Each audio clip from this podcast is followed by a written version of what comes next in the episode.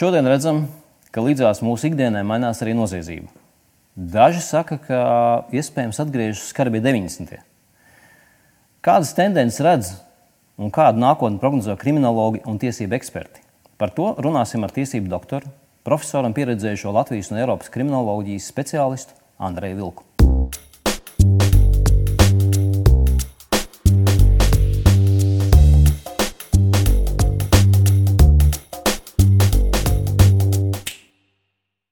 Andrej, liels paldies, ka atradāt laiku un pieslēdzāties eh, mūsu eh, jaunā formāta sarunai.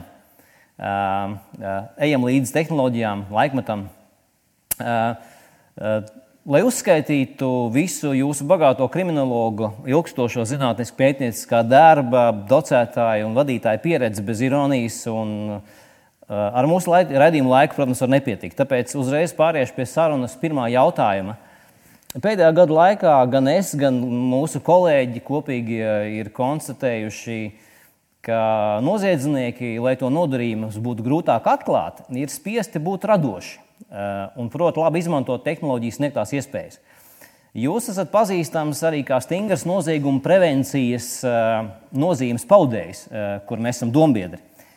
Jautājums, kā jūsuprāt mainās gan vietējā, gan starptautiskā noziedzība? Kādas ir tendences?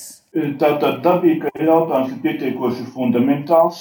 Mums jārunā par to, kā kriminalitāte neapšaubām evolucionē.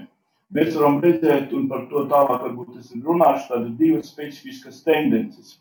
Pirmais, mums paliek tā saucamā primitīvā kriminalitāte, noziedzība, un no otras puses mums veidojas arī inovatīvā kriminalitāte. Un šeit mums ir jārunā par to, ka pirmām kārtām mēs runājam starptautiskā rakursā, ka noziedzībai principā aizvien vairāk un vairāk izteiktāk ir transnacionālais raksturs. E, tātad e, paplašinās tā vide telpa, kur tiek izdarīti noziedzīgi nodarījumi. Līdz ar to var iegūt maksimāli daudz visdažādāko šo ienākumu, ja noziegumi tiek izdarīti citās teritorijas, un otrādāk Latvija iebrauc uh, dažādas kriminālie grupējumi no Igaunijas, no Lietuvas, no Krievijas, Ukrainas un tā tālāk. Tāda šī transnacionāla kriminalitāte mums ir raksturīga. Arī runā, runā par zādzībām, laupīšanu un tā tālāk. Nākošais kriminalitāte tiek uztverta, vērtēta un atzīta kā zināms uzņēmēja darbības veids, kas nes kaut kāds zināms ienākums. Un jāsaka, teiksim, rēķinot to efektivitāti, kas saistīts ar kriminālām aktivitātēm, nu, mēs esam rēķinājuši, teiksim, salīdzinot latento noziedzību, reģistrēto noziedzību, noziegumus, personas, kas ir atbildības un vēlāk, kad viņi seks eh, noziedzības nodarītos zaudējumus, tā efektivitāte sniedz aptuveni 95-97%. Tātad tie ienākumi, jāsaka, atklāti sakot, ir kolosāli. Un nākošā iezīme, kas ir raksturīga šeit, ir nu, tāds digitalizācija. Ja mēs lielākoties patreiz varam atzīt, ka mm, reģistrētie noziedzīgi nodarījumi it kā samazinās, un šķietam, ka mēs kļūstam, dzīvojam drošākā vidē, tad uh, reālā situācija ir nedaudz citādāka aizvien vairāk un vairāk pieaug kriminalitāte šajā virtuālajā, digitālajā vidē, tā teiksim, zāģis un tā tālāk. Ir ļoti interesanti saldabīgi piemēri, teiksim, pieņemsim, ka personas nu, ar pietiekoši augstu intelektuālu potenciālu atrodas ieslodzījuma vietās, viņi organizē uzņēmumus, viņi e, organizē izspiešanas, teiksim, izspiešot kaut kādus zināmus resursus no citiem cilvēkiem, e, veicot krāpnieciskās darbības un tā tālāk un tā tālāk. To visu Tad šajā gadījumā lokālā šajā vidē viņi organizē un arī, arī veids. Tie tās ir atsevišķas iezīmes, par kurām mēs runāt. Jā. Tātad e, šobrīd mēs e, saskaroties ar kaut kādu veidu apdraudējumu, piemēram, kibervidē, mēs pirmā brīdī nevaram zināt, vai tas atrodas mūsu blakus telpā vai citā valstī. Jā, mēs šaubām, teiksim, e, kiberkriminalitāte aizvien vairāk un vairāk attīstās. Jāsaka, ka tas varbūt ar digitālu tās vīdes pieejamību. Ir veikti pētījumi, kas parāda korelāciju starp internetu pieslēgumiem, pieslēgumu kvalitāti un kiberkriminalitāti. Jo vairāk ir šo pieslēgumu, jo aizvien vairāk un vairāk aktivizējas šī, šī arī kiberkriminalitāte kā tāda. E, mēs varam runāt ne tikai tādā veidā, bet nedaudz citādākā aspektā. Interesants variants, teiksim, arī, ja mēs runājam par, par, par digitālām tehnoloģijām, ir radiovadāmie plosti, tātad, kuri pa mm, ūdens tilpēm pārvadā šajā gadījumā arī kravas, nu, visdažādākās droni, kuri tiek izmantot visdažādākā veidā, pārvietojot pāri robežai. Nu, tātad kravu, kas var būt mērām 80, 100 un vairāk kilogramu tvērumā izmantot šī droni arī, arī, arī, arī cietuma teritorijās, nometot cigaretes, narkotikas, telefons, naudu un tā tālāk. Un tā tālāk. Vilkungs, sakiet, um, kā jūsuprāt, šodien ir iespējams vairot noziegumu prevenciju, kas nu, mēs abi saprotam, un, un arī speciālisti zina, ka tas ir būtiski. Bet tur ir zināma apgrūtinājuma. Bet tomēr kā varētu vairot šo noziegumu prevenciju, nu, jeb to novēršanu un nepieļaušanu? Kas vēl būtu vairāk jādara tam, ko mēs jau darām? Iet arī par moderno tehnoloģiju izmantošanu tiesību sargājušās iestādēs. Tātad e, ir zinām tāda interesanta programma PretPol, tātad e, policijas preventīvā darba programma, kur tiek fiksēti noziedzīgi nodarījumi, kas izdarīti zināmā laika periodā, konkrētās šajās teritorijās. Fiksējot šajā digitālajā kartē šos noziegumus, visdažādākā veidā, vai tās ir krāpšanas, zādzības, laupīšanas, seksuāla rakstura noziegumi, miesas bojām nodarīšana un tā tālāk. Un tā tālāk ir iespējams fiksēt, kad kādos laika intervālos, kur notiek šie noziedzīgie nodarījumi. Šīs programmas dod iespējas dislocēt tiesību sargājušo iestāžu šo spēkus atbilstošā laika periodā, atbilstošā šajās vietās. Un jāsaka, ka šīs te tehnoloģijas ir ļoti interesantas. Mēs runājam teiksim, par algoritmizētos noziegumu atklāšanas sistēmu.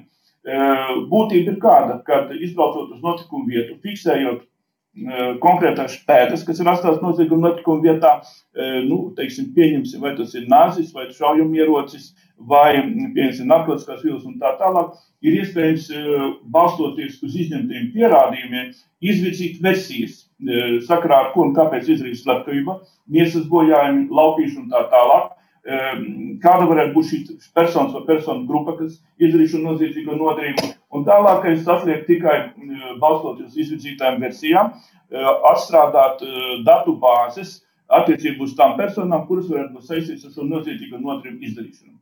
Par prevenciju vēl ir ļoti interesants sekojoša sistēma. Mēs runājam teiksim, par tādu interesantu kriminoloģijas attīstības virzienu saistībā ar prevenciju kā neirokrimoloģiju. Ko tas nozīmē? Tātad, izmantojot dažādas speciālās iekārtas, elektromagnetiskus rezonatorus, ir iespējams fiksēt cilvēka smadzeņu ne tikai šo uzbūvi, bet arī ievies visdažādākās vērtību orientācijas, kas ir saistītas ar normatīvo uztveri, ar dažādām attieksmēm un tā tālāk. Un tā tālāk. Un Adrians Rājens, tātad ir šī neirokrimoloģijas pamatlīdzējs, viņš saka sekojoši kad izmantojot šo neiro preventīvo ietekmi uz cilvēku, noziedzības vairāk nebūs pasaulē 2030. gadā. Tas ir jaunas tehnoloģijas, jaunas pieejas. Nu, grūti pateikt, teiksim, tas realizēsies vai nerealizēsies, bet visā tā gadījumā tas sasaucās ar agrāk minēto klīnisko kriminoloģiju, kad ir iespējams, teiksim, nu, vai ķirurģiskā vai farmaceitiskā ceļā ietekmēt noziedznieks un tādējādi, nu, teiksim, preventīvi iedarbojoties uz viņiem. Ir ļoti interesanti, teiksim, tādas programmas kā HART. E, tas ir um, risku novērtēšanas programmas. Ko tas nozīmē? Tad, balstoties uz personu izziņu un izpēti, ir iespējams noteikt, cik ir liels risks attiecībā uz konkrēto personu, ka viņa varētu atbilstošos apstākļos izdarīt noziedzīgos nodarījumus.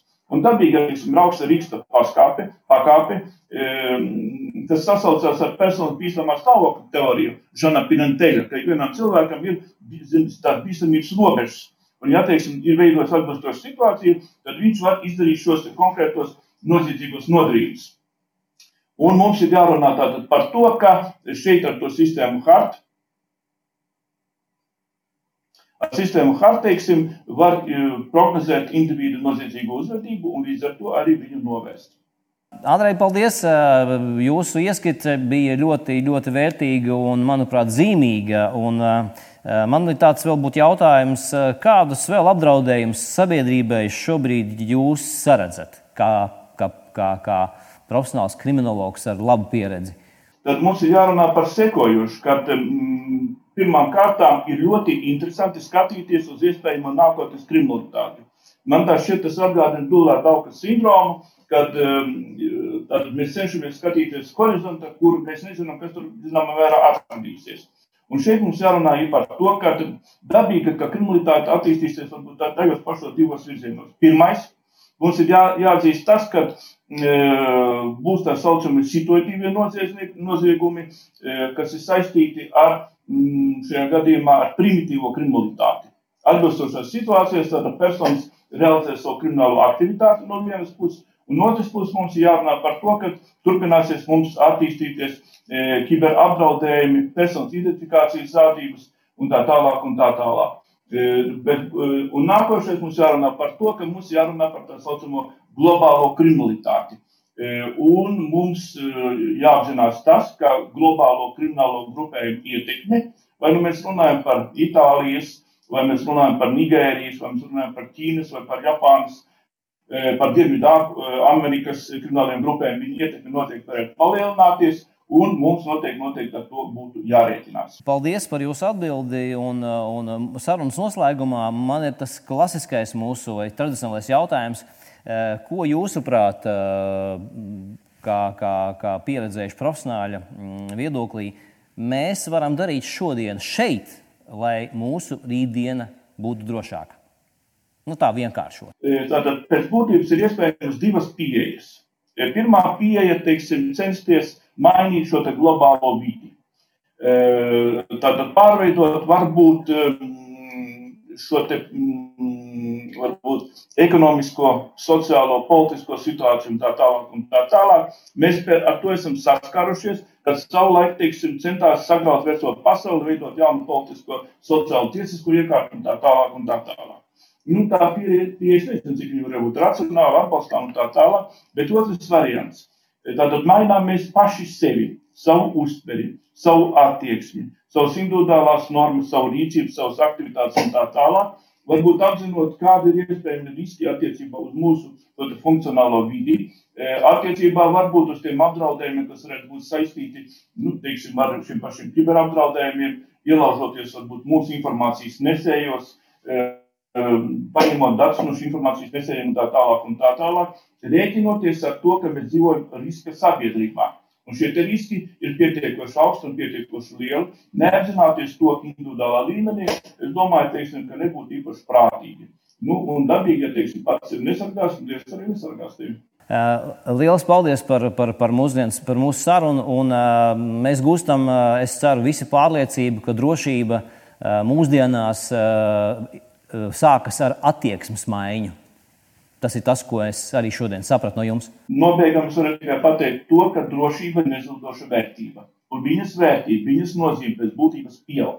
Nodrošināt drošību. Tā ir māksla. Kā mēs pietiekoši riska apstākļos, riska vidē spējam to pietiekoši efektīvi nu, nodrošināt, lai mēs būtu aizsargāti. Lai būtu aizsargāti mūsu ģimenes locekļi, mūsu īpašums, cieņa, gods un tā tālāk.